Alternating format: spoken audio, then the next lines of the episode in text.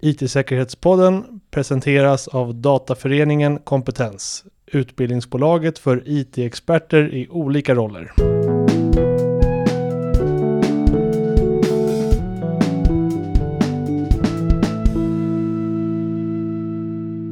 Precis som förra året och året innan dess hade vi Peter Kongstad med oss. Det brukar bli ett långt och uppskattat snack om kryptovalutavärlden. Ja, så håller vi jultraditionen vid liv för tredje gången. Vi kollar av läget med Peter och hans värld. För oss i den vanliga ekonomin har det varit skakigt med höga priser och hög boränta. Men hur har kryptoåret 2023 varit? Ja, men det tar vi och tittar närmare på tillsammans med just Peter Kongstad.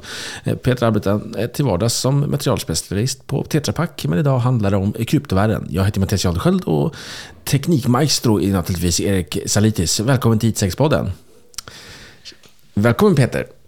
Tack så mycket. Tack grabbar. Ja, hur är läget? Ja, det är kul att ha dig här. Lite jultradition. Hur är läget då?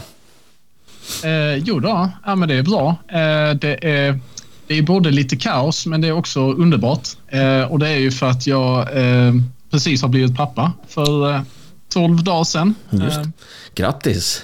Det är stort. Ja, ja.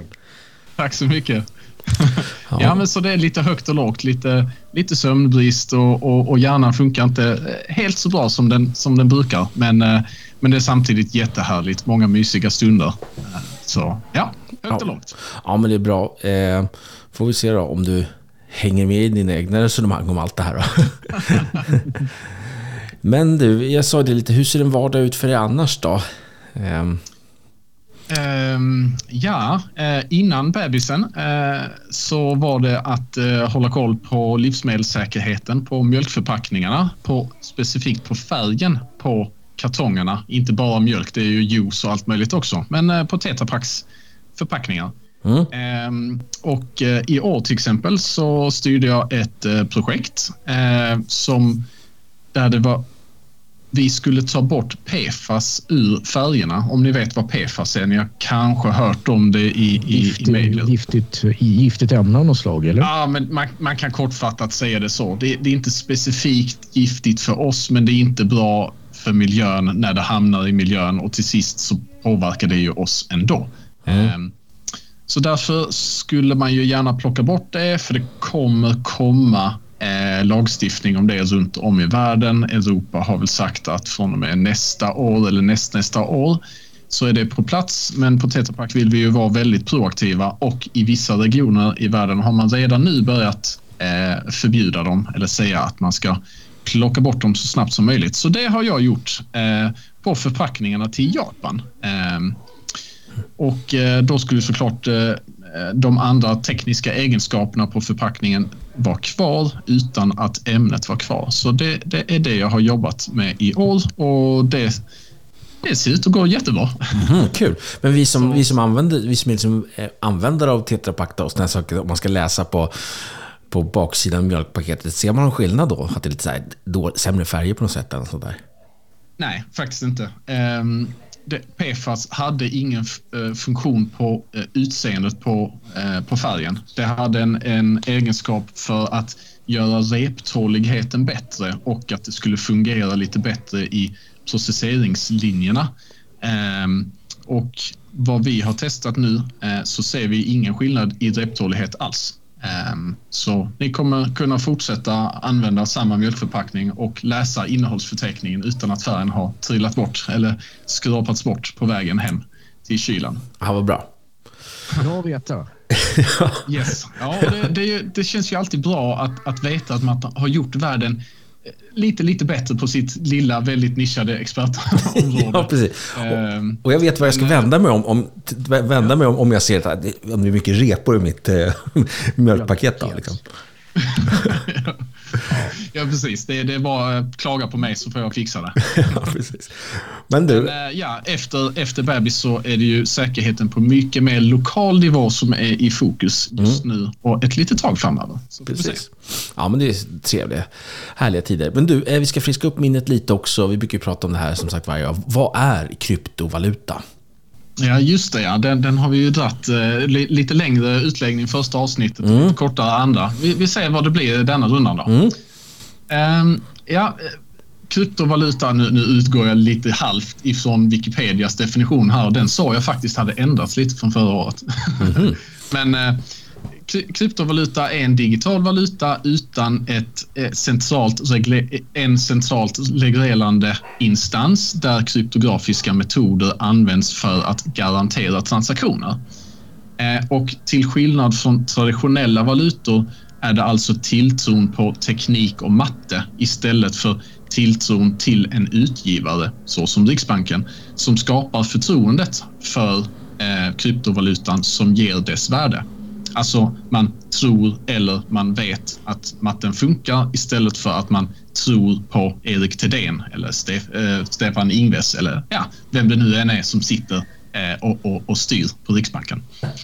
Ehm, och med hjälp av en eh, decentraliserad bas av användare som alla gör samma beräkningar och bekräftar dem så nås konsensus på det sättet. Det vill säga att äktheten och uppfyllandet av de reglerna som finns i kryptovalutan, de säkerställs i valutan av väldigt många eh, deltagare istället för ett par få. Ehm, så att man inte måste lita på en central tredje part för säkerhet och regeluppfyllande.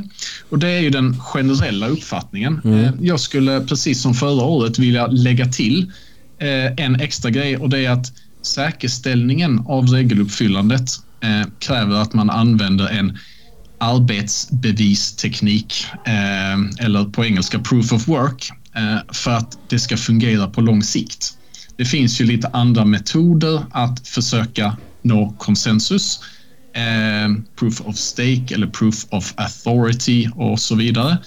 Eh, men eh, det är mycket debatterat fortfarande och, och min min åsikt eh, och tro eh, är att det är proof of work som är det enda som är långsiktigt hållbart. Mm. Och eh, den underliggande tekniken som ligger IT-säkerhetsmässigt nära oss som vi håller på med det, blockchain-tekniken då, hur hänger den ihop med en kryptovaluta? Ja, ja men precis. Så, eh, blockchain är ju ett ord som beskriver hur man gör bokföringen av information, det vill säga hur man antecknar vem som har skickat till vem och hur mycket alla har i sina respektive digitala kassaskrin. Eh, kortfattat så kan man säga att det skrivs in ett antal transaktioner med jämna mellanrum i liggaren eh, och varje gång eh, det skrivs in ett antal transaktioner så kallar man det för ett block av transaktioner. Ehm, varje block av transaktioner refererar tillbaka till det föregående blocket så man vet vilken som är senast och vilka eh, överföringar som skedde innan dess. Eh, I princip en plus ett kommer efter block n om man ska vara lite så matematisk i termerna. Mm. Eh, och, och, och, om man ska försöka mm, förklara det mer generellt så kan man ju se det som eh, en bok är ju en, en kedja av sidor och varje sida länkas till den förra sidan genom att ha ett sidonummer som är ett högre än, än den förra sidan. Mm. Ja, det är lite samma med, med, med blockkedja. Ehm, och ja, varför gör man det då i, i block istället för att kontinuerligt sitta och anteckna med glöd i pennan? Just det. Ja. ehm, Jo, man gör det i omgångar för att mellan varje block, mellan varje inskrivning i blockkedjan så behövs det ju tid för granskning av det senaste blocket så att det inte var något fusk. Ehm, dessutom är det också så att den mekanismen som gör det rättvist för alla de som tävlar om att vara nästa skapare av ett block, de behöver ju den tiden på sig för att göra beräkningarna för att hitta nästa rätta siffra eh, som möjliggör det att skapa nästa block. Um, Just det. Och, eh, man, man har då en tid på 10 minuter i, i bitcoin. Det finns ju andra eh, blockkedjor som har kortare. Jag vet inte om det är någon som har längre tid. Det har jag faktiskt inte kollat på. Mm. Eh, men det finns ju vissa som har kortare och varför har man då 10 minuter? Kan man inte göra det kortare för då går det ju snabbare att göra fler transaktioner och så vidare. Och så vidare.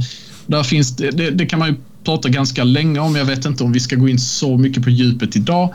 Men det är ju för att den som har skapat det senaste blocket ska ju annonsera ut det till världen. Då ska ju den informationen skickas från den personens dator. Eh, och de kan ju börja leta efter nästa block direkt för man använder det föregående blockets information när man tar reda på nästa block. Så alla de som tävlar om det måste ha informationen från det senaste blocket som skapades när de ska börja göra om beräkningarna.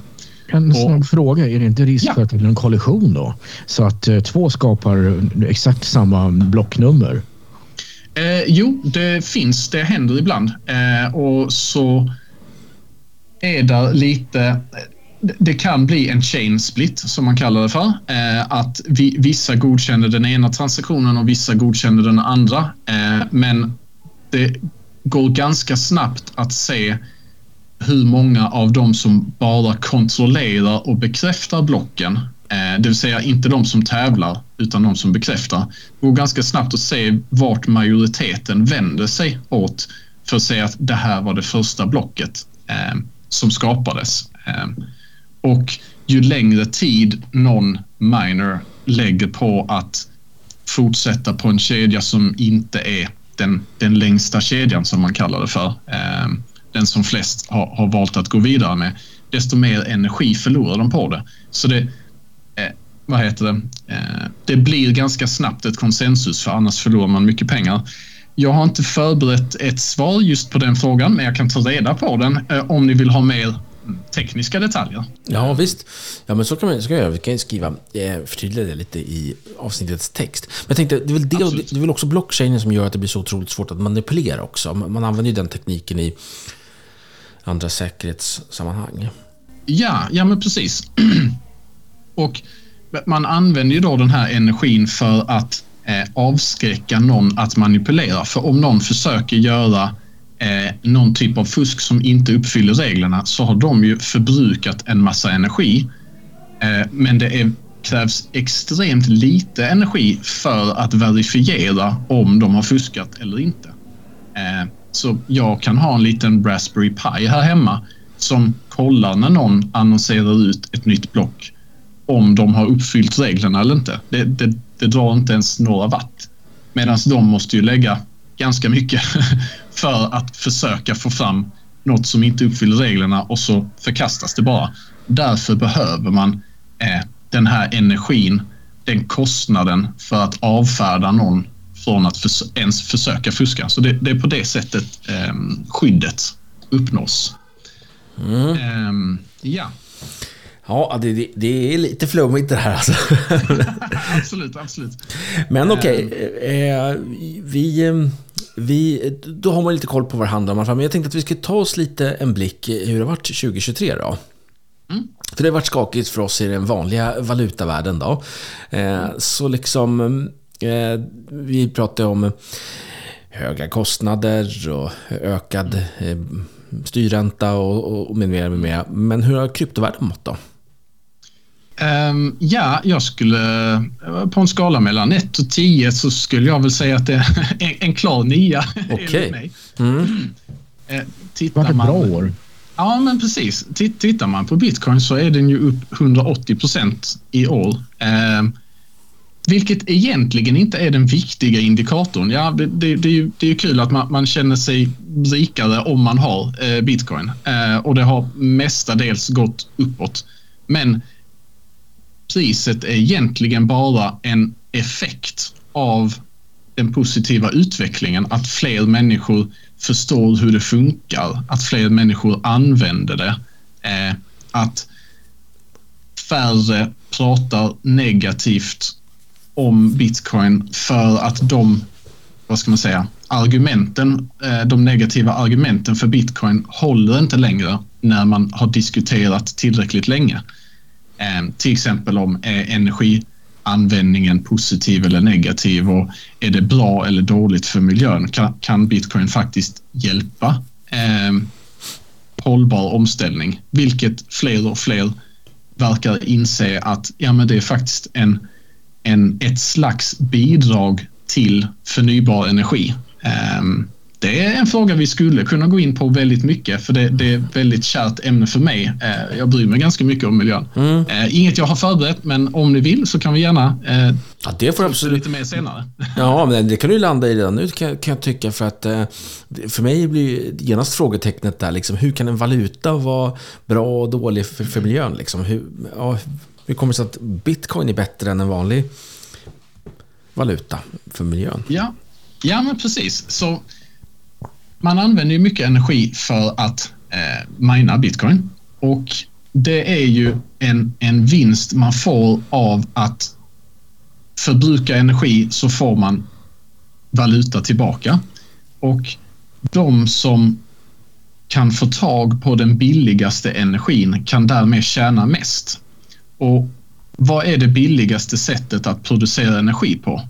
Ja, det, det är faktiskt via solceller och, och vattenkraft och, och, och, och vindkraft eller andra energislag som idag inte utnyttjas, till exempel varma källor, en vulkan eller eh, geysrar på Island eh, eller på olika ställen på planeten där, där det finns energi men det finns ingen stad eller industri i närheten. Så därför ligger den här vulkanen eller varma källan bara puttrar. Men det, det, är ingen som omvandlar värmeenergin till el.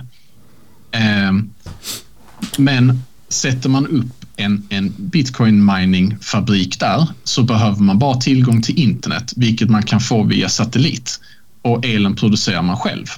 Och eftersom elen är gratis då, så länge man har byggt upp eh, kraftverket, så kan man ju mina utan kostnad ja, underhållskostnad på kraftverket, självklart, men du betalar inte för elen då du eh, producerar den själv.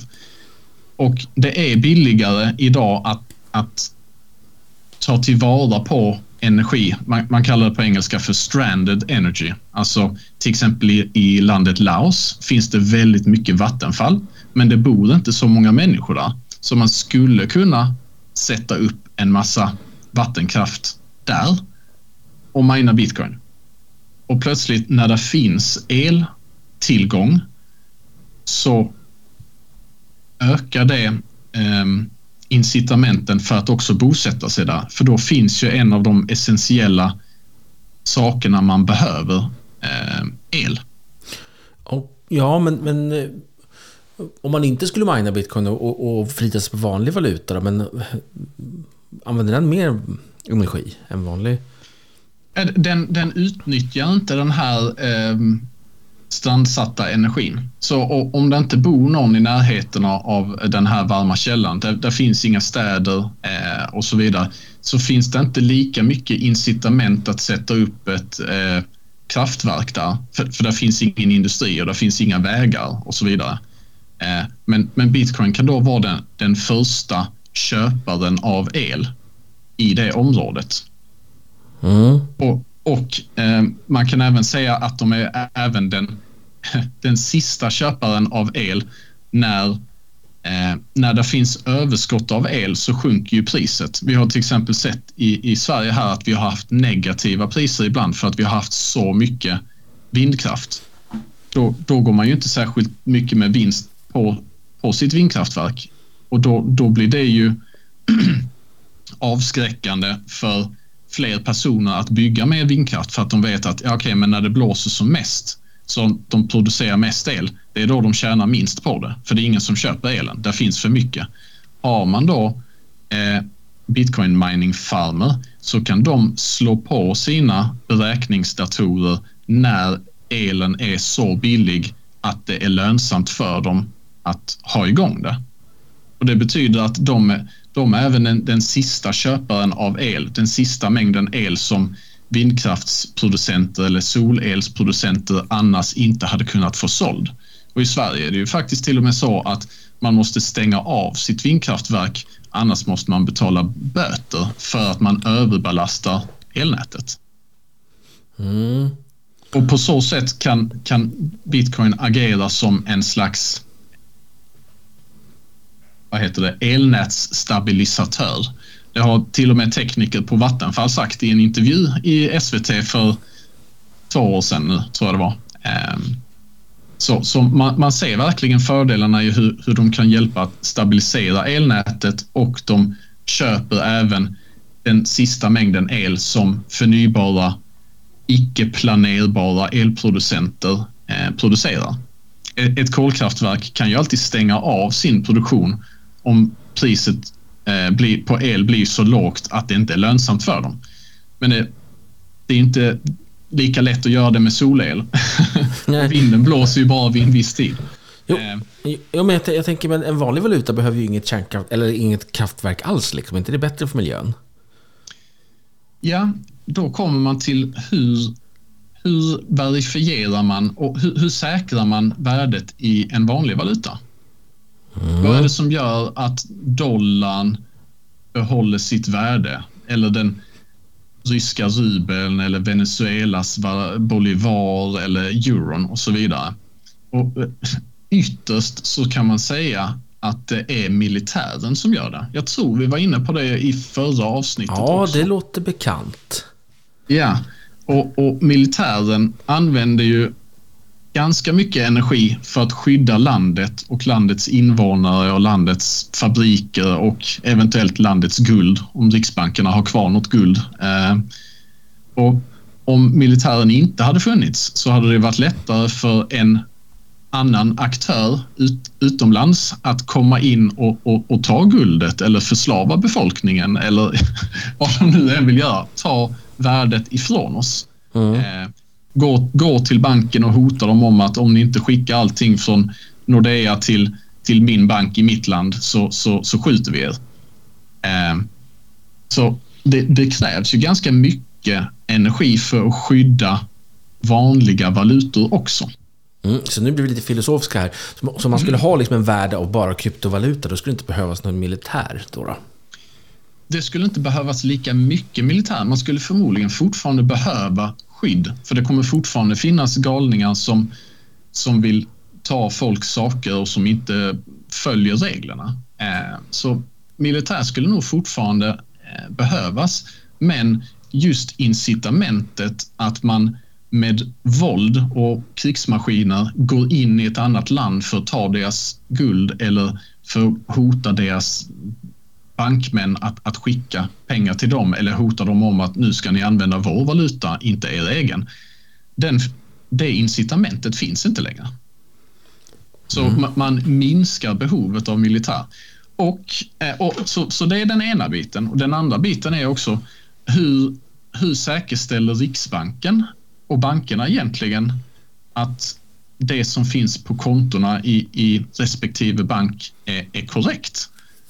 Riksbanken måste ju flyga runt eller åka tåg eller elbil runt och, och göra revision hos alla banker. Och om bankerna i olika länder vill handla med varandra, alltså om, om, om Swedbank vill handla med Bank of America eller någonting sånt, så vill Swedbank veta att de pengar som Bank of America säger att de har och skickar till Swedbank, att de faktiskt finns. Så alla bankerna måste ju göra revision av varandras finanser eh, så, så, att ingen fuskar och skapar mer pengar som inte finns. Det kräver en hel del mänsklig förflyttning på flyg om det är över Atlanten eller väldigt långt tåg om man ska till Asien och så vidare. Det, det, är också en hel del energi som går åt och, och, trots det så är det fortfarande ganska många fel. Vi såg ju i nyheterna för bara någon vecka sedan så var det väl någon som sa att de loggade in på sitt bankkonto på mobilen och så stod det att det var eh, en miljard. Ja, det är precis otroligt många nollor ja. Ja, ja okej. Okay. Så då är ju vanliga pengar som man kallar det för, det är ju också bara en databas. Det är mm. också bara ettor och nollor och plötsligt kan det vara alldeles för mycket där. Så hur, hur, duktiga är de egentligen på att hålla koll på sina pengar där? Mm. För mig så är det väldigt enkelt. Det är alltid mindre pengar. Det är aldrig med att det har varit mer än vad det ska Nej, precis. Ja, så, så, all, så inga mera, inga mera eh, flygresor för bankdirektörer. ja, men precis. Eller i alla fall kontrollanterna. Det är inte alltid bankdirektörerna. De, ja. Men, men det är mindre militär, eh, men inte noll. Eh, och väldigt mycket mindre mänsklig granskning. eh, eftersom datorerna granskade åt oss. Precis som att en miniräknare gör eh, räkningarna åt oss så vi inte behöver sitta eh, och göra huvudräkning. Eh, lite mer effektivt, lite mindre energi går åt. Just det. Men det krävs ju på något sätt att hela världen enas om att köra på det här. Det, går, det skulle inte vara konstigt om typ hälften av, av världen körde kryptovaluta och resten körde fiatvaluta. Jo, men jag tänker så här, du, du hade skrivit på Twitter, eh, du pratade lite om den vanliga ekonomin, hur det har skett där. Vi är tillbaka på huvudämnet där. Så jag tänker att jag mm. bryter ner din, din, din, eh, ditt resonemang där på, på Twitter, eller X som det numera heter. Och eh, Absolut. får vi djupdyka det. Du börjar med så här att kvällstidningarnas snyftstories kopplat till de här höga styrräntor och, och så vidare. Berätta om det. Ja, men precis. Alltså, det var väl något, eh, någon artikel i någon av kvällstidningarna som var, ja men eh, eh någon hade förköpt sig med, eh, på en bil och tagit ett stort lån och sen kunde de inte ens bo kvar längre för att bilen blev alldeles för dyr när, när räntan ändrade sig och, och, och så var det synd om dem eh, och så vidare. Och eh, det är ju en intressant observation man gör på samhället som, som som många i, i vår tidsperiod inte tänker på eh, så mycket längre. Men det var vanligare förr. Eh, och det var något som jag märkte som, vad ska man säga, hobbyinvesterare när jag skulle investera i fonder och aktier eh, från, från min månadslön. Eh, det, jag lärde mig om detta konceptet redan, redan innan bitcoin. Och, och förr så pratade man om att man hade klassamhällen och så vidare, men idag sägs de att de är borta. Jag tycker inte det stämmer, för man kan fortfarande säga att kommunikationen i de olika socioekonomiska skikten eller i de olika klasserna är, är annorlunda. Både språkbruket, vilka medier som kommunikationen sker på och när kommunikationen aktionen sker och vilken vinkel den har. Mm. Eh, och eh, för att komma fram till varför det blir snyfthistoria eh, i, i kvällstidningar eh, så behöver vi gå ner mer på djupet i, i hur och när kommunikationen sker var eftersom detta är det sista steget eh, innan en förändring som jag skrev lite om i, i, i tweeten där. Mm. Eh, och det, det är ju så att investerare och riksbanker, de vill ju veta när det är dags att flytta investeringarna och när det är dags att ändra på räntan.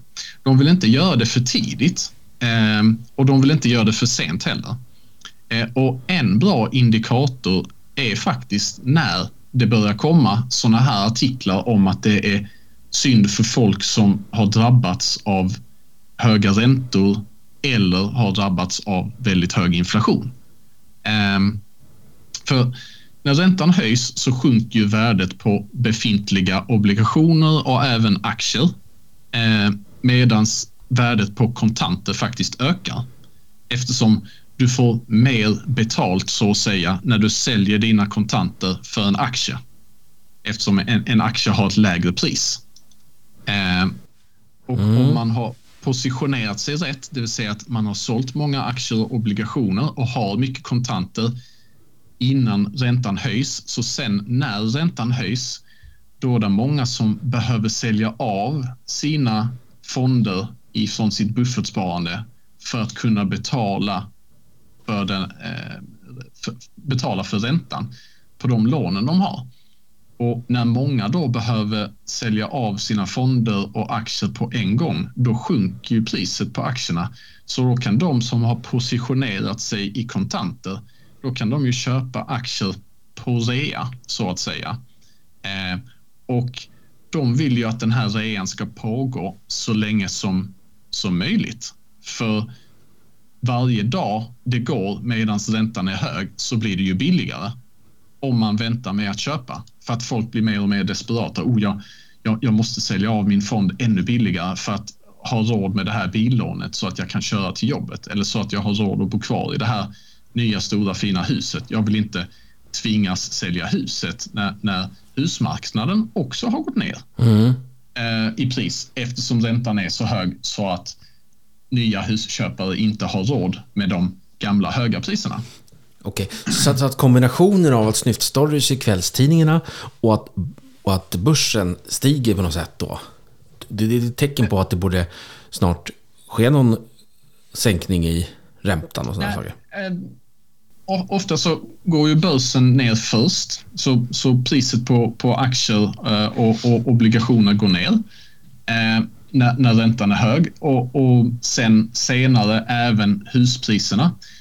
Och när, när det har varit lågt tillräckligt länge, då är det för att de som har sämst koll på ekonomin, de som har den lägsta sparbufferten och har förköpt sig på en alldeles för stor villa eller alldeles för fin bil. När de har sålt av alla sina sparpengar på, på sitt konto eh, och på, i, i sina eh, fonder, i sin buffert, när de inte har kvar mer aktier att sälja och till sist kanske måste sälja sitt hus eh, för att ha råd med de lånen, eh, låneutgifterna de har, då kommer de till kvällstidningarna och bara, ja men vi går på knäna här. Eh, mm. Och då vet man att då är rean på börsen slut. För då, då har inte de som har de som har haft sparat i fonder, de har inga fler fonder att sälja. Och då vill man vända ner räntan igen så att inte företagen börjar gå i konkurs. För de företagen som man har köpt aktier i, eh, de, eh, de kan ju inte sälja till folket om de har så illa ställt att de inte ens kan köpa produkter.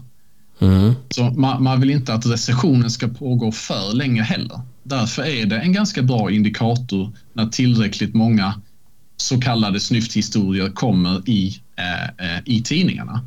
Till en början så brukar inte centralbankerna reagera för att till en början så kanske man ser det som att ja, men det här är bara en eller två på 10 000 eller 100 000 som gör det. Men ju oftare det kommer i tidningarna desto större procentandel av befolkningen har svårt att få det att gå runt. Och till sist så sjunker ju skatteintäkterna också för att man har inte råd att köpa in någonting längre. Man måste betala allting i ränta. Eh, och så kanske man börjar amortera också. Eh, Mm. Så, så, då, då vill man ju, när man väl då har köpt på sig eh, så mycket aktier man kan från de som inte hade råd att ha kvar dem. Eh, då, då, vill man ju bli av med alla sina kontanter igen Eh, så snabbt som möjligt för då vet man att snart kommer räntan vända ner. Och då brukar man faktiskt se att börsen går faktiskt upp lite grann innan räntan sänks. Och det är för att de, många investerare förstår att ja, men okej, så snart räntan börjar sjunka igen, då kommer folk ha råd att låna mer. Och då kommer man ju kunna köpa mer och då kommer företagens vinster gå upp igen och då kommer börsen gå upp igen och därför försöker man gå före alla andra. Och så går man före alla andra så mycket att börsen faktiskt vänder uppåt och obligationer också innan det, eh, centralbankerna sänker räntan. Det är precis det vi har sett. Eh, att tioårsobligationerna och femårsobligationerna de började eh, öka i, i värde redan i oktober. Samma med börsen och nu har även sex månaders och tre månaders eh, obligationerna gjort samma sak.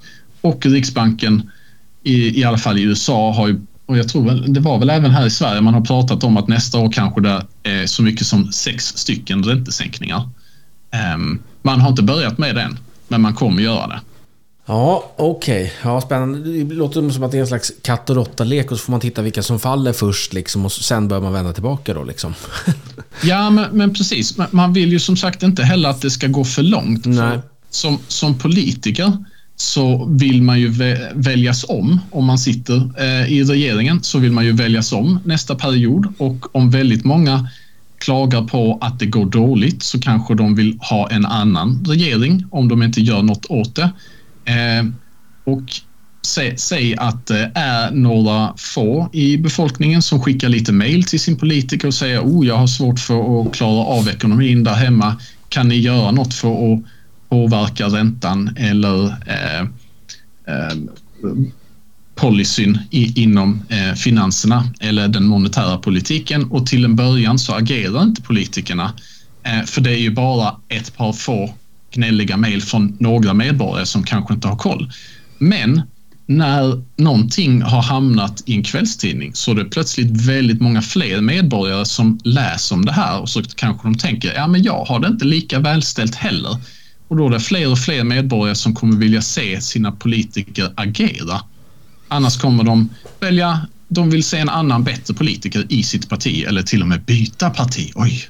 Ja. Eh, eh, och ja, investerare vet ju också som sagt att, att rean snart är slut eh, för att räntan sänks igen. Eh, så de, de kommer också vara mer välvilliga att, att se att räntan ändras igen. Så de kommer ju också försöka spä på det här med, med snyfthistorierna. Oh, ja, men är det inte dags att ändra nu, säger de. Eh, för då, då, har de ju köpt mm, aktier och obligationer till ett lågt pris och de vill ju att det ska gå upp så snabbt som möjligt igen. Så de vill ju också att räntan ska sänkas. Mm. Eh, det, det, man vill se dock, innan man sänker räntan, för det, det har inte hänt än. Men innan man sänker räntan så vill man som politiker eller som riksbank, eh, Riksbanks styrelse, då vill man se att det ska vara tillräckligt många som är besvärade av den höjda räntan för att det ska liksom övergå till att det är fler som klagar på hög ränta än vad det är människor som klagar på den höga inflationen. Inflationen har ju liksom folk börjat glömma nu för att den har börjat gå ner lite.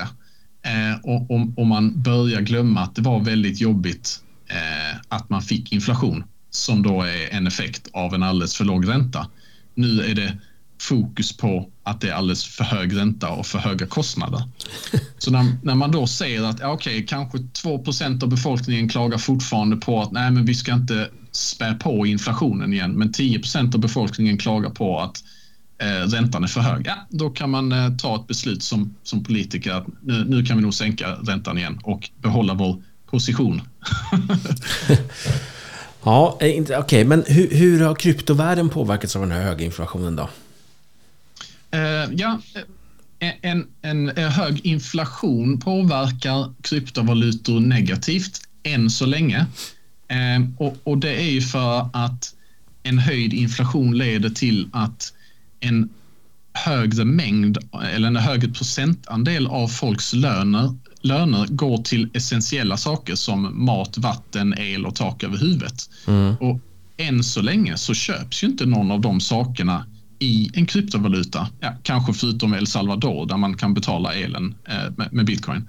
Eh, och, och därmed är i, på de flesta ställen på planeten så är ju kryptovaluta en, en typ av sparform. Och, och, som vi var inne på så man minskar ju på sparandet innan man släcker där hemma. Ja. Eller går utan mat och vatten. Eh, så därför påverkar en hög inflation eh, kryptovalutors pris negativt. Eh, mm. Eftersom det är en sparform. Ja, just det. Och, och, och, ehm, och låg inflation då, då, det, då är det bra för kryptovärlden? Ja, om, om, eh, låg inflation eh, eller ingen inflation är väl det alla vill ha egentligen. Den valutan man använder behåller sitt värde från den dagen du tjänat den och, och, och, fått den i din plånbok till den dagen du ska spendera den så vill du inte att den ska ha tappat något i värde. Precis som att du inte vill att ditt batteri ska dräneras om bilen eller mobilen bara ligger där och inte används.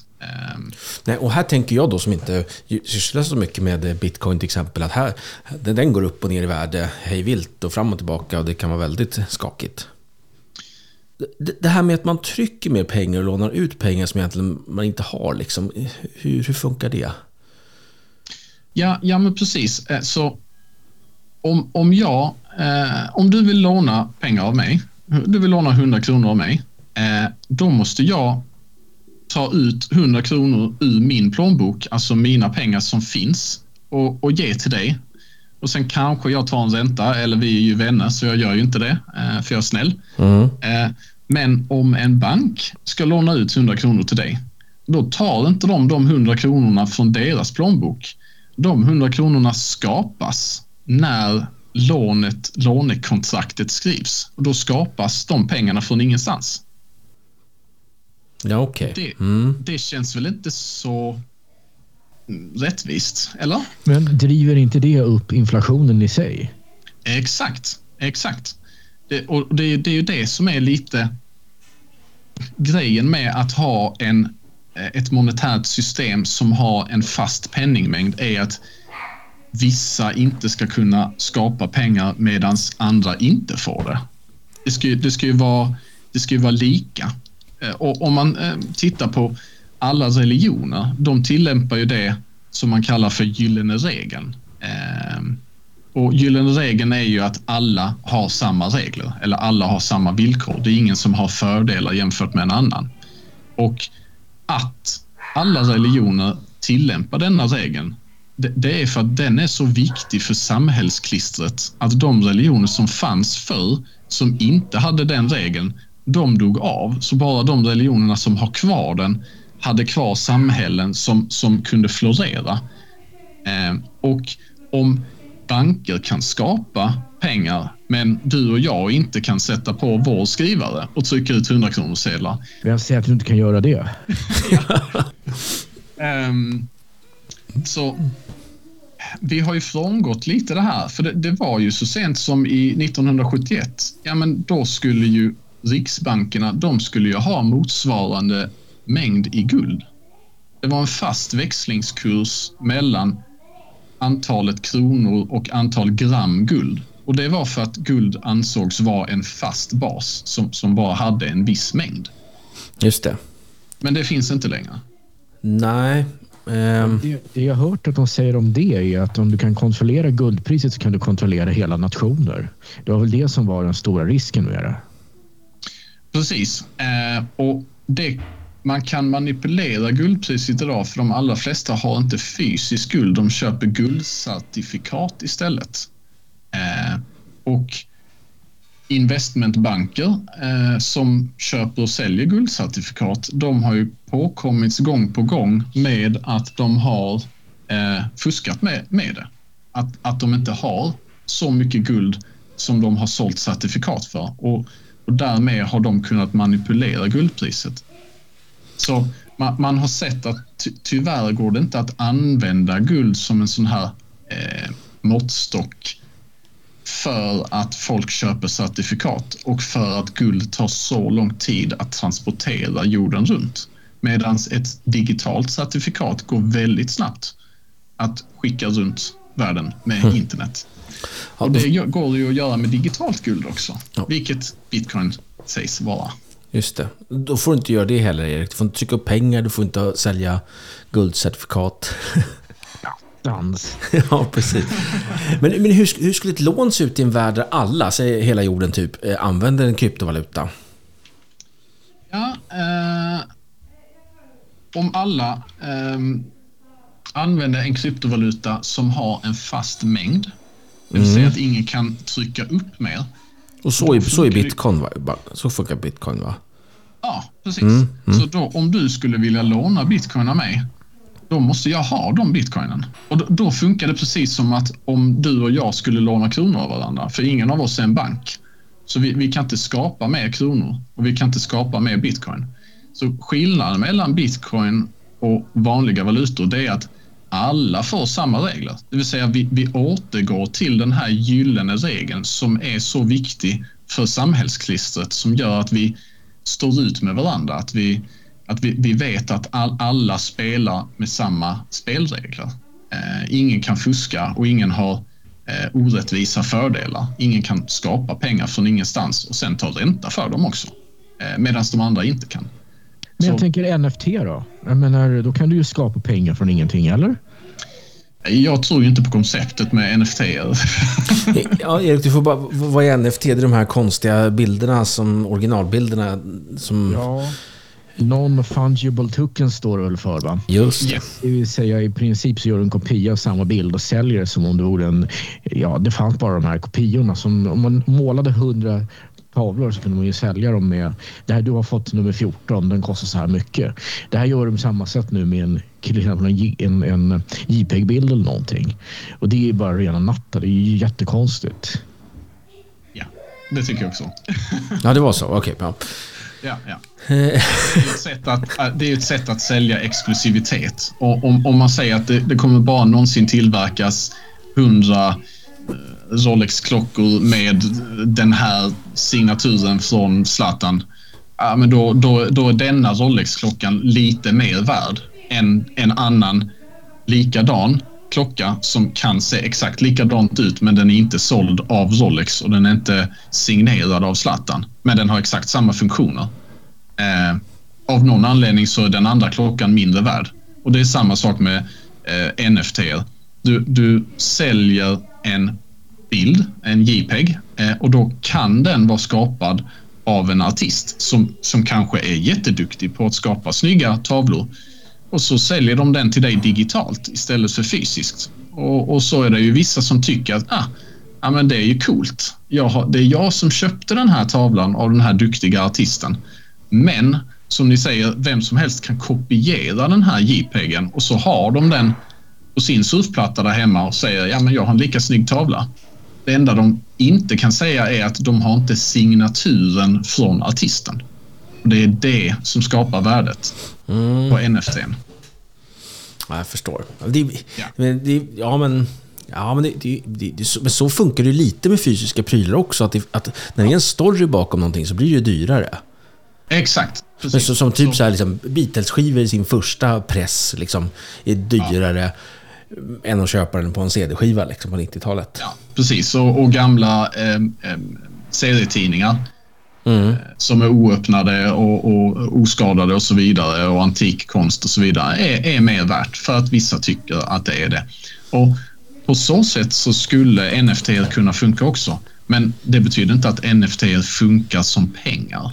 Jag går inte omkring och säljer tavlor och byter det mot tre liter mjölk. så, så, man måste ändå ha en, en, en, en valuta som är fungible. Ja, precis. Inte en non-fungible. Ja.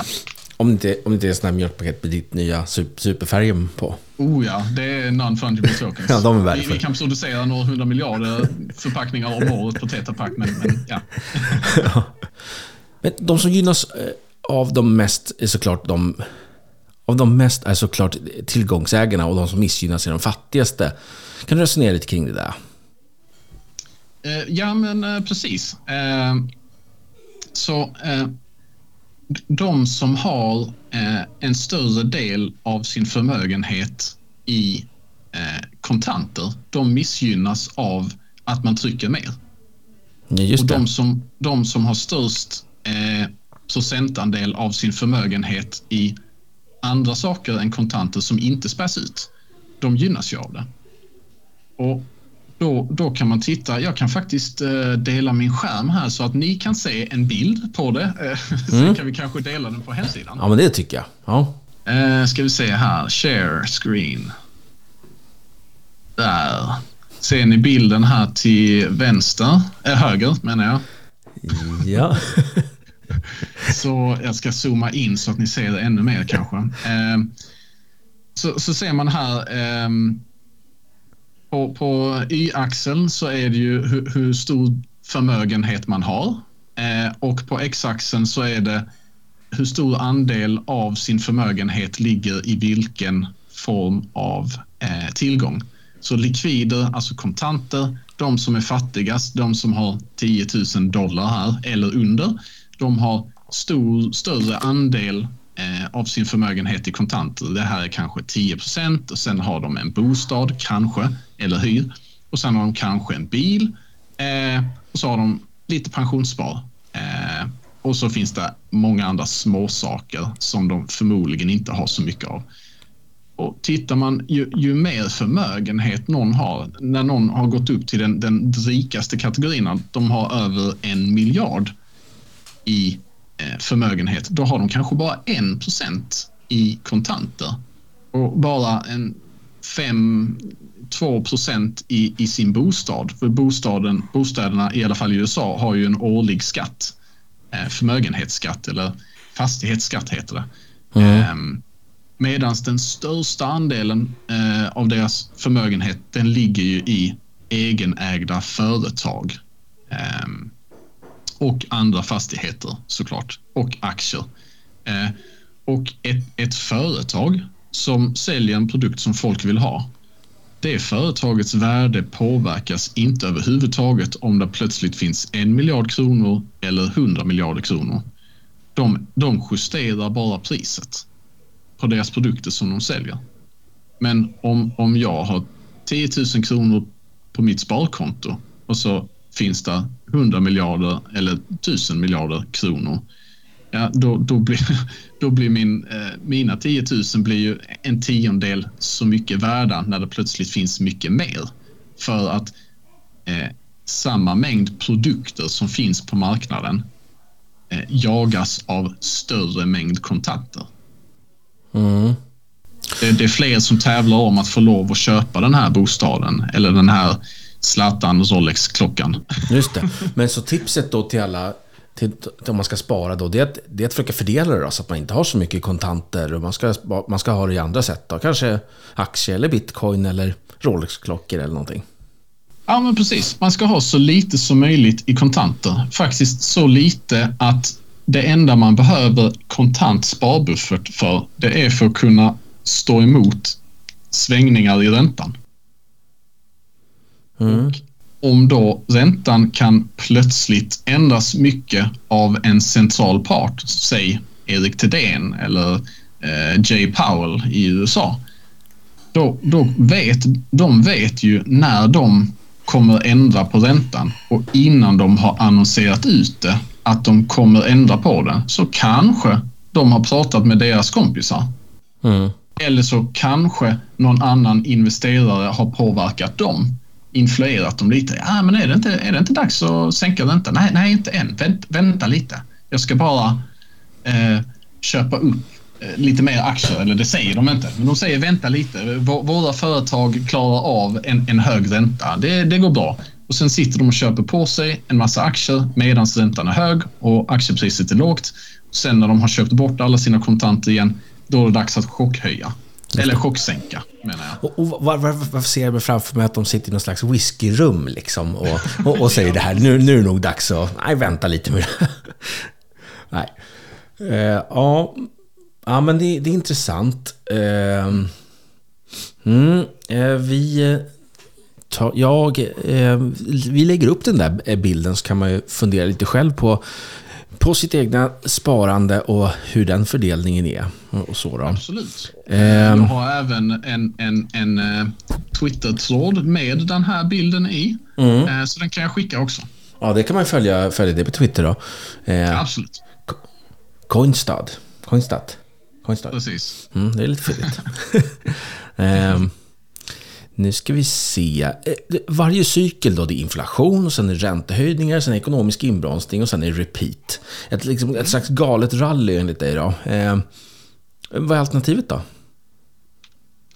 Ehm, ja, men precis. Så eh, e, e, ett monetärt system som, som eh, är fast, där en riksbank inte kan ändra räntan godtyckligt eftersom de inte sitter med makten över någon tryckpress, för det, där finns ingen tryckpress. Ehm, det är ju ett alternativ. Innan så hade vi ju guld. Det kunde man inte. Man kan inte bara producera guld, även om det var väldigt många alkemister som försökte. Eh, mm.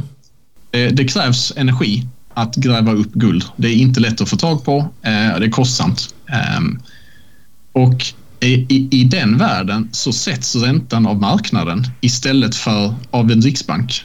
Så den kan inte artificiellt justeras upp och ner av ett, ett par få makthavare som kanske är influerade av andra. Eh, då det är mycket svårare att få alla utlånare till att samarbeta om den här nya räntan man vill sätta.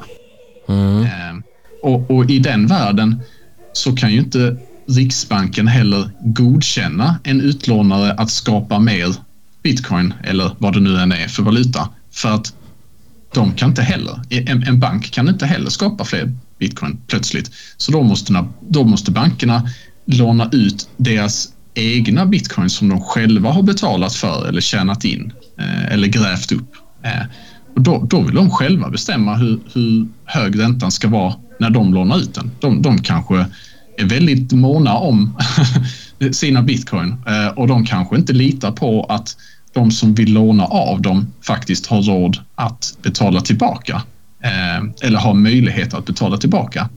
Så när, när då risken är för hög, då höjer man räntan som en slags hedge eller som, som en riskjusterad avvägning. Mm. Och eh, Det var ju precis detta som vi inte hade i 2008 när vi hade den förra gigantiska kraschen. Då var det ju nämligen så att bankerna skapade pengar som inte fanns eh, och de lånade ut till folk som inte kunde betala räntan. Eh, men det gjorde ingenting för bankerna. För Riksbanken i USA, Fed, de hade ju, de hade ju i princip bevisat att om, om du går omkull så räddar vi dig. Då, då ger vi dig en bailout. Du var too big to fail. Och varför var de too big to fail? Jo, det är för att länderna, de flesta länderna, till exempel USA, de har infört en, en i min mening, oerhört korkad eh, garanti och det är insättningsgarantin. Och, och, och den var korkad för att Fed insåg att om en bank var tillräckligt stor och gick omkull, då hade inte Riksbanken så mycket pengar att ge till befolkningen för den här insättningsgarantin. Så det var, det var billigare eller lättare att rädda en bank än att låta banken gå omkull. Och när bankerna då visste det, ja men då kunde de ju låna ut en miljon dollar till en hemlös. Hade de tur så lyckades den hemlösa när den fick ett hus eh, hitta ett jobb och plötsligt kan de betala tillbaka eh, lånet eller åtminstone betala av räntan. Hade de otur, ja då eh, försvann pengarna. Eh, de fick inte tillbaka lånet, men det gör ingenting för de, de pengarna fanns ju inte ändå. De bara började existera plötsligt och om de hade lånat ut till alldeles för många hemlösa som inte kunde betala sina lån, ja då kom ju staten och räddade dem med en bailout. Så det fanns ingen negativ konsekvens av att låna ut till vem som helst. USA och Europa har lite olika regler. Ehm, USA har länge haft något som man kallar för fractional reserve som betyder att man måste ha en, en viss mängd av det man lånar ut, till exempel 10 procent. Så om du lånar ut 100 kronor så måste du åtminstone ha 10 kronor i kassavalvet. Eh, men när du lånar ut 100 kronor då, då skapas ju 90 kronor. Eh, och den ena personen har ju lånat 100, betala till någon annan som, som har sålt en pryl. Då får de ju 100 kronor som de kan sätta in på en annan bank. Och då, då har ju den banken plötsligt 100 spänn mer. Då kan de låna ut 1000 spänn. Så även om det är 10% fractional reserve så kan det skapas väldigt stora mängder pengar av detta. Och USA tog faktiskt bort det kravet i 2020. Så nu har de 0% fractional reserve. Så de bankerna behöver inte ha några pengar alls på sitt konto för att få lov att låna ut till vem som helst. Eh, I, I Sverige och Europa så har vi ett mycket mer komplext system som heter Basel. Basel 1, Basel 2 och Basel 3. Jag vet inte om det har införts än. Eh, det låter men, som schweiziskt. Uh, ja, ja det, är det, det är det kanske. Det, det, är väl en stad som heter Basel? Ja, precis. Uh, jag, jag, kan inte bakgrunden, men i alla fall. Um, um, systemet eller regelverket heter så. Mm. Uh, och det säger till bankerna att ni måste ha täckning för 30 dagars likvider om det är svårt för folket att betala in och så vidare och så vidare så måste de ha 30 dagars eh, likvidflöde i täckning i form av väldigt säkra typer av eh, tillgångar. Alltså tier 1 assets som det står. Och tier 1, alltså första rankens, den, den, den, bästa typen av tillgångar, vad är det? Ja, men det är obligationer och ett antal företag som någon inom EU har bestämt att ja, men det här företaget det är ett säkert företag. Så det får ni lov att ha tillgångar i. Det är också ett väldigt godtyckligt sätt att manipulera börsen. För man säger att det här företaget får man lov att räkna som tier 1. Så då måste bankerna äga det för att få lov att låna ut mer. Medan ett annat företag inte är tier 1 då kan de inte, och om bankerna äger det företaget i sin aktieportfölj, då kan de inte låna ut så här mycket. Så det, det blir ett, ett, sätt att manipulera vilka företag som går upp och ner på börsen. med hjälp av ett extremt komplext eh, regelverk. Ja, men det låter ju säkrare än USA i alla fall då. då. Ja, ja, det skulle man kunna säga. Eh, men vi har ju ändå problem i, Ja. i Europa eh, med inflationen och med banker som går omkull. Vi hade, eh, vad hette de där, schweiziska banken, Credit Suisse, eh, som behövde räddas av den schweiziska eh, riksbanken. Eh, och, och lite andra banker som också är väldigt skakiga. Så det regelverket är inte särskilt bra heller. Och det leder som sagt till stora möjligheter för manipulation och korruption. Ehm, men om man, om man bara har en fast penningmängd som skyddas av energin så behöver man inte ha alla de här potentiellt sett buggiga eller manipulerbara regelverken eh, som har tillgångar som inte nödvändigtvis är så säkra. Alla trodde till exempel att Nokia var väldigt säkert mobilbolag i 2005 eller vad det var. Och de gick i konken i, i, i 2010. Och samma sak, sak med Kodak eh, när de valde att inte gå vidare med digitalkameran trots att de uppfann den. Eh, och de var ju en av världens största bolag 99 och de hade i princip gått i konken i 2002. Ja, nej, det, ja, det, det är nog väldigt svårt för, för då banket på något, på något sätt att sia om vilka företag som kommer vara framgångsrika. Precis, och även om det inte är bankerna som bestämmer vilka tillgångar som räknas som en tier one asset, även om det är några lagstiftare som gör det, så, så har inte de koll på det heller.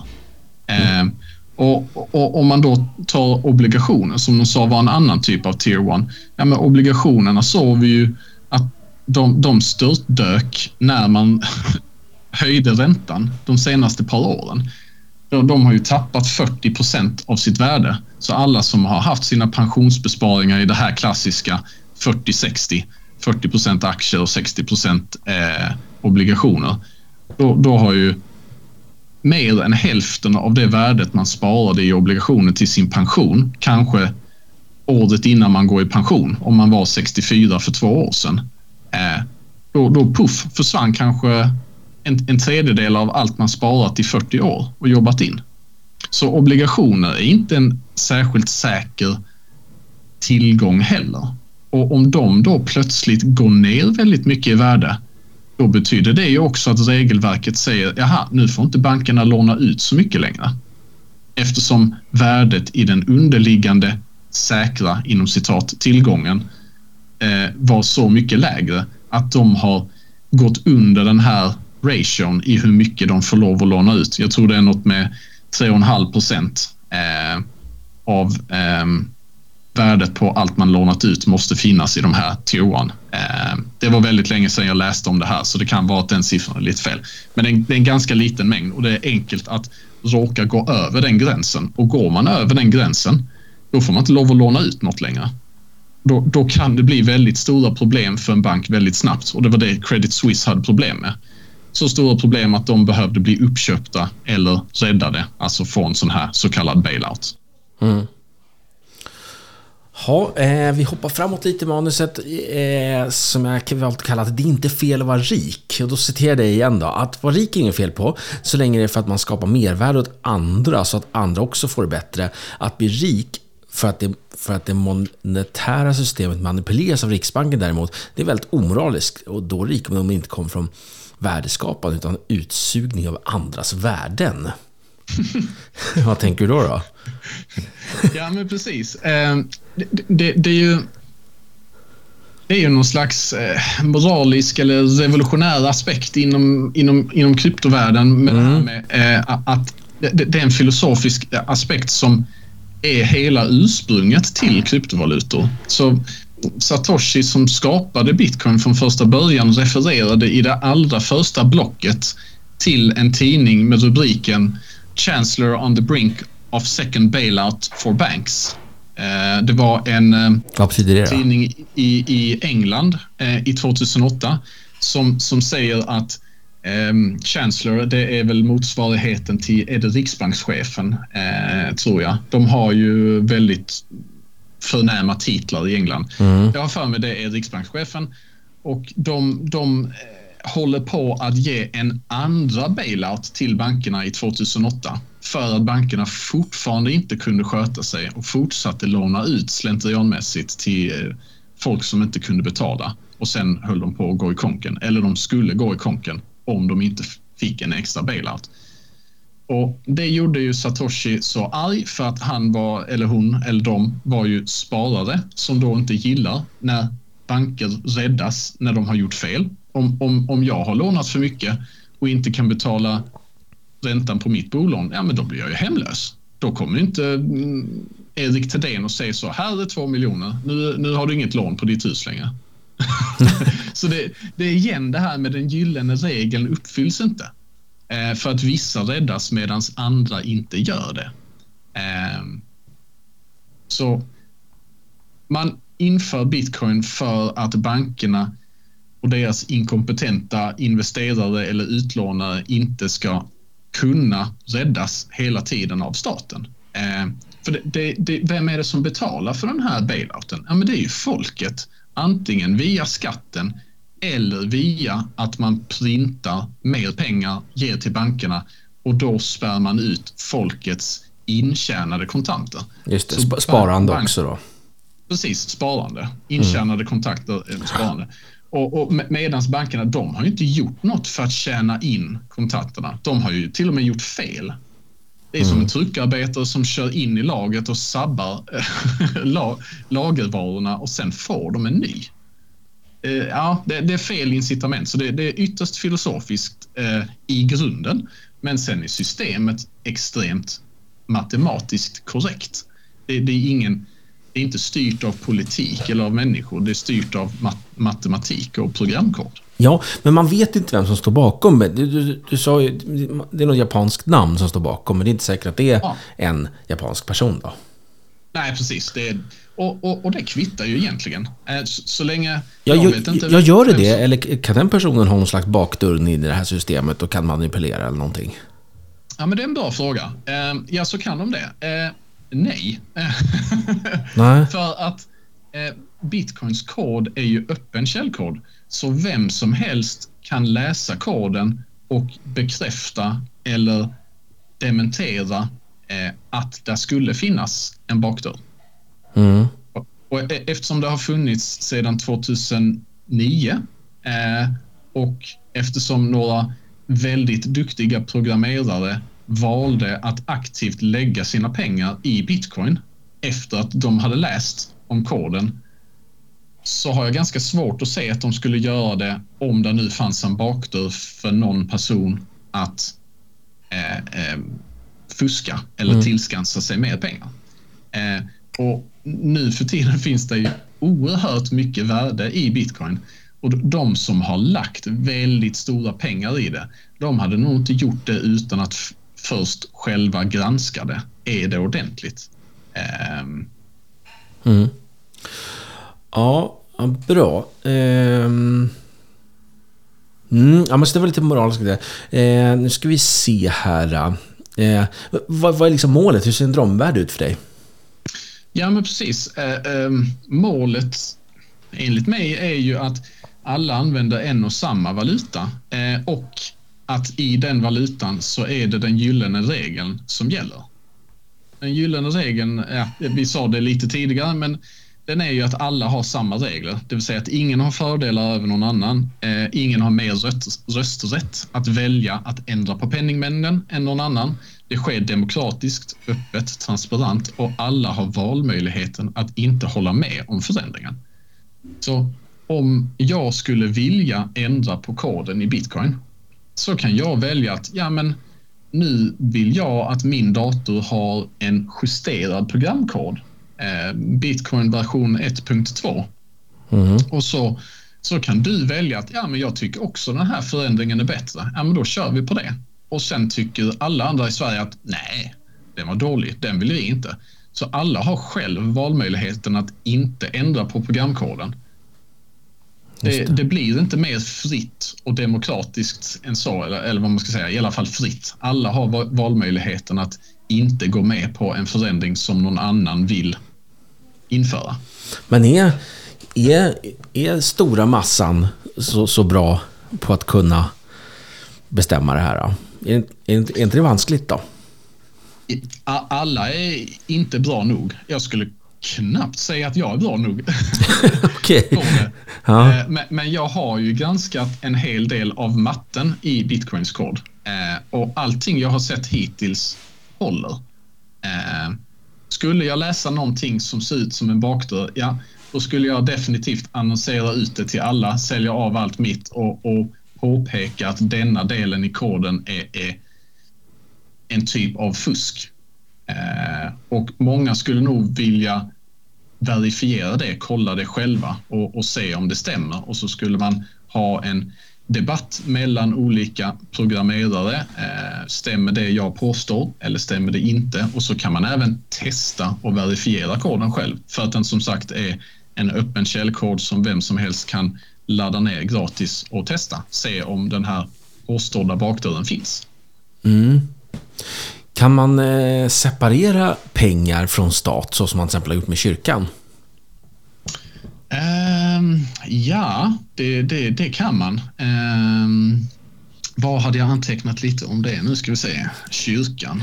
Ja, uh, ja men precis. Ja, ja, men om man kollar på historien så, så kan man ju se att samhällen har, har genom historien haft andra tidsåldrar där staten inte styrde över pengarna.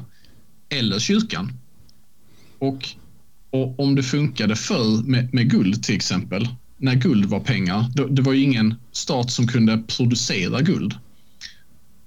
Men samhället funkade ändå. Så om vi då separera staten från, från pengarna så att staten inte längre kan printa mer pengar eller kan sätta räntan. Jag ser inte varför det inte skulle funka idag om det har funkat förr.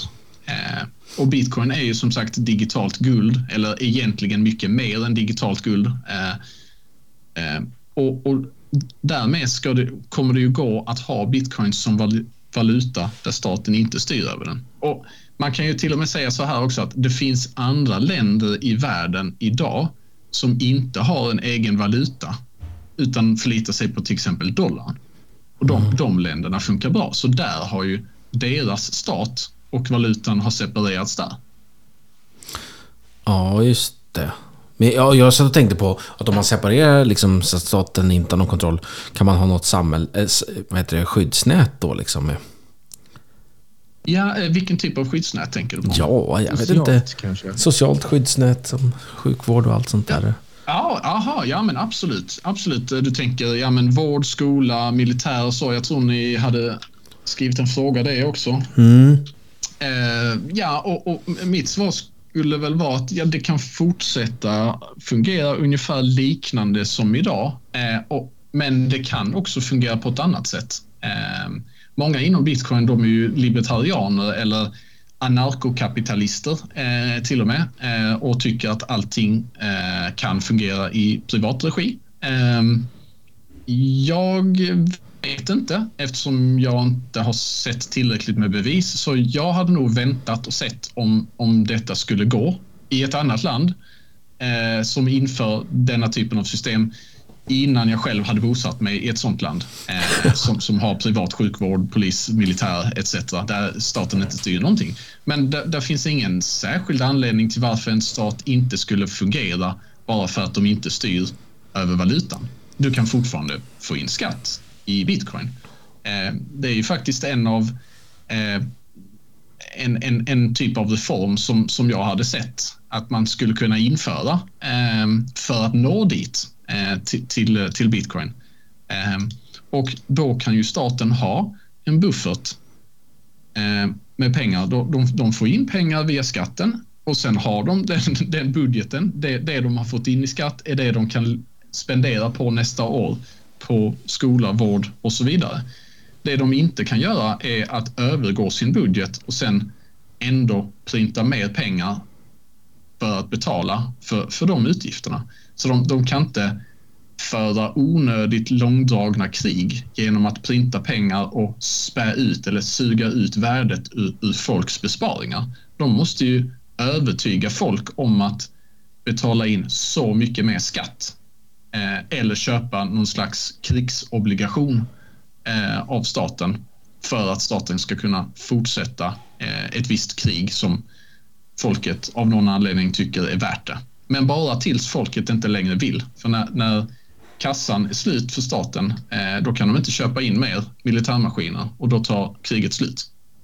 Eh, och det var det man sa, att i, innan fiatvalutor fanns så var krigen inte lika utdragna som idag. Mm. Det var det, hundraåriga var... kriget va?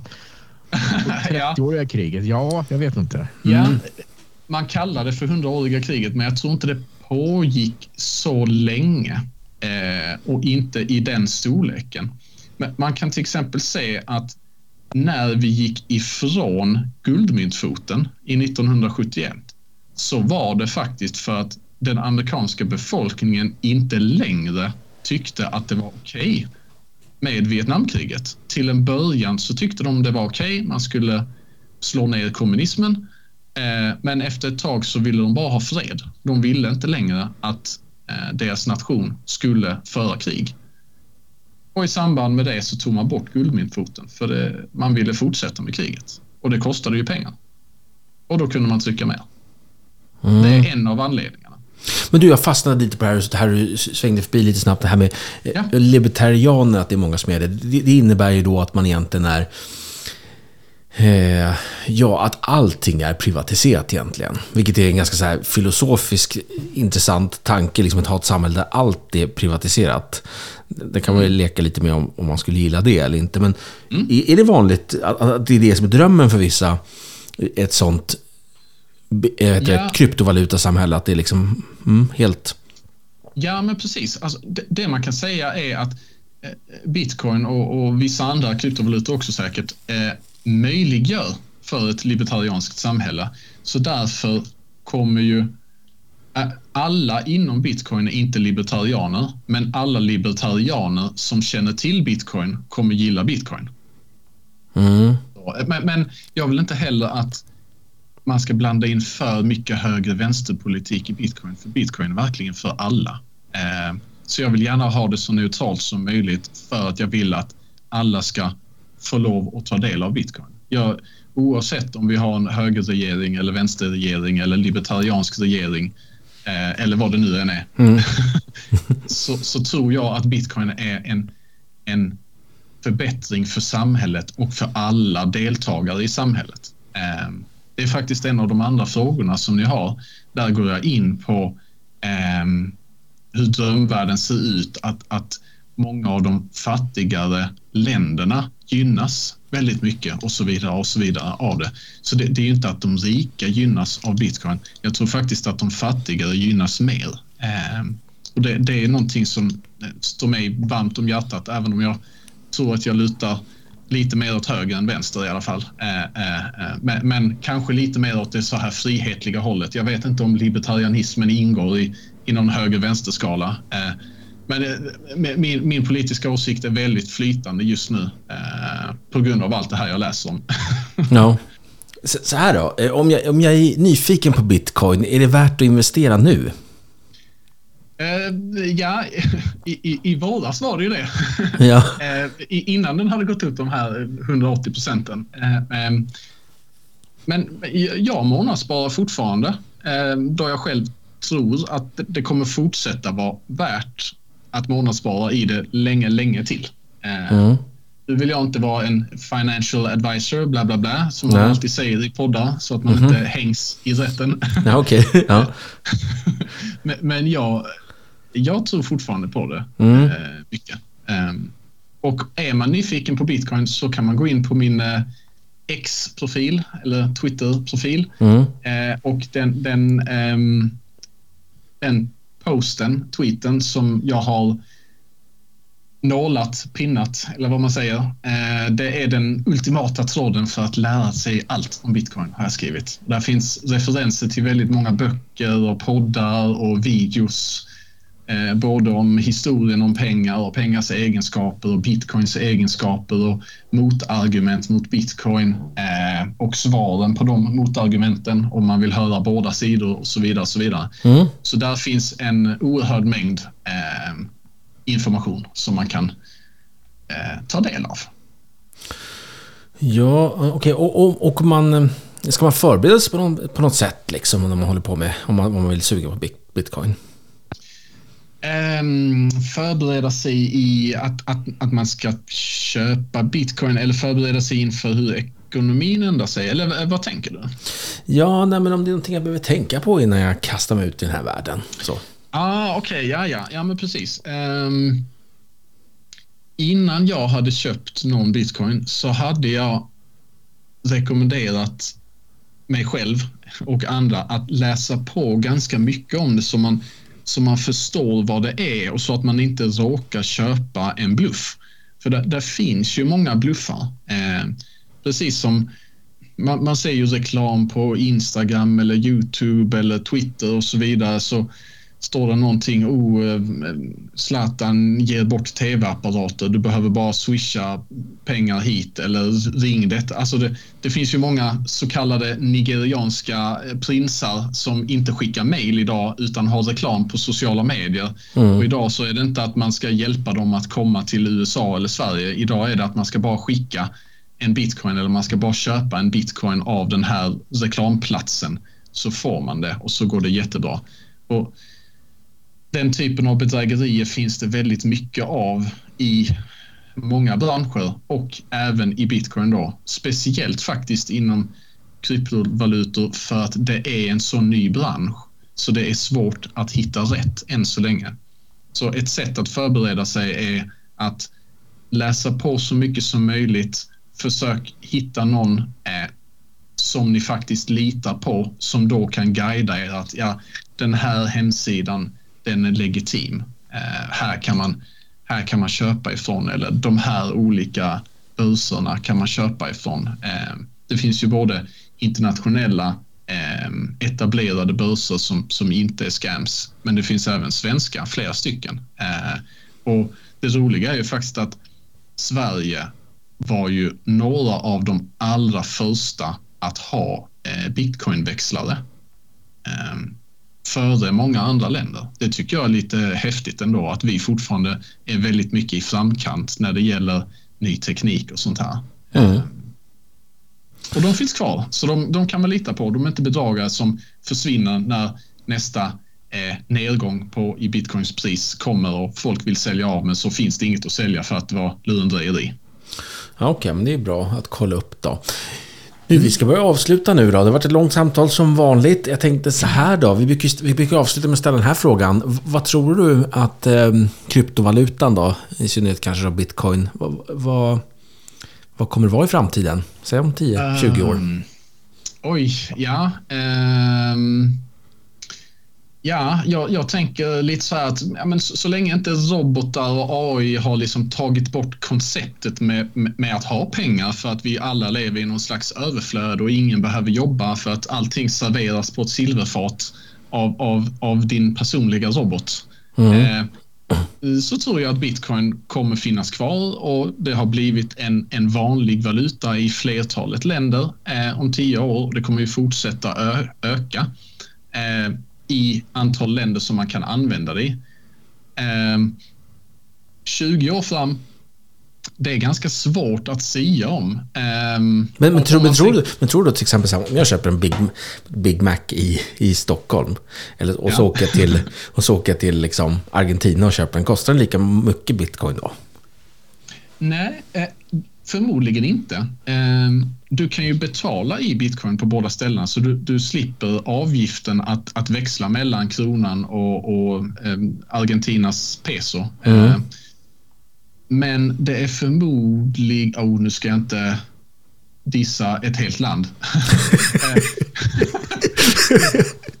det, det, det, finns en, en viss sannolikhet att det är, är billigare i Argentina för att löneläget kanske fortfarande är lägre där. De, de, de kan, de kanske har bättre eh, lagar och regler där för bönder så att det är billigare att, att vara kött och eh, bonde och spannmålsbonde så att vetet och köttet i McDonalds burgaren är billigare för McDonalds att köpa in och så kan de ta ett lägre pris än vad det är här i Sverige för att vi är inte självförsörjande. Därför måste vi köpa in från utlandet och så kostar det ju lite transport av, av mat och sådär. Så det, det betyder att alla, valu, eh, att alla länder har samma valuta betyder inte nödvändigtvis att det är samma pris överallt. Ehm, elpriset till exempel kommer ju fortfarande vara väldigt mycket dyrare på Antarktis eh, än i resten av världen för att det är väldigt mycket svårare att transportera dit eh, el. Um, även om man skulle använda bitcoin på Antarktis. Uh, och så vidare, så vidare med alla andra produkter också. Mm. Um, Ja, jag förstår. Ja, men vad bra. Då känns det som vi har tömt årets snack om bitcoin och kryptovärlden. Ja. Vad är det som händer nu då för dig närmast? Uh, ja, jag ska väl alldeles strax uh, ta lite vatten, torr i halsen. Uh, mm. Sen ska jag nog in och kolla lite på, på Vikings. Vi tittar på det just nu. jag och min fästmö. Ja, just det. Jag, jag friade ju ganska nyligen också faktiskt. Aha. Det har inte sagt till så många så det är lite avslöjande här i podden. Oj, oj. Exclusive. um, så vi ska bara ta det lugnt och så ska jag se hur det är med vår lilla bebis. Mm. Ja, men det låter ju så mysigt julfirande. Eh, mm. Ja, men tack så mycket Peter Kongstad att du var med i IT-säkerhetspodden. Vi hörs väl igen nästa år antar jag? Ja, men självklart gör vi det. Tack eh, jättemycket också för att jag får prata med er igen. Det, det, är alltid jättekul att få prata med er och jag hoppas att jag kan vara uppe i Stockholm igen och, och träffa er på riktigt. För det är, det är väldigt trevligt. Ja, ja men det får vi se till att ta nästa år. Så, tack så mycket. Ja. Tack så mycket. ha det bra. Hej. Hej.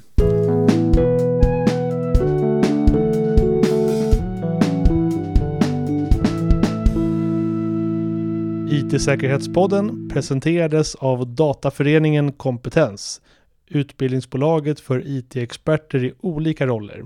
Vi erbjuder vidareutbildningar inom IT-arkitektur, verksamhetsledning, förvaltningsledning och informationssäkerhet.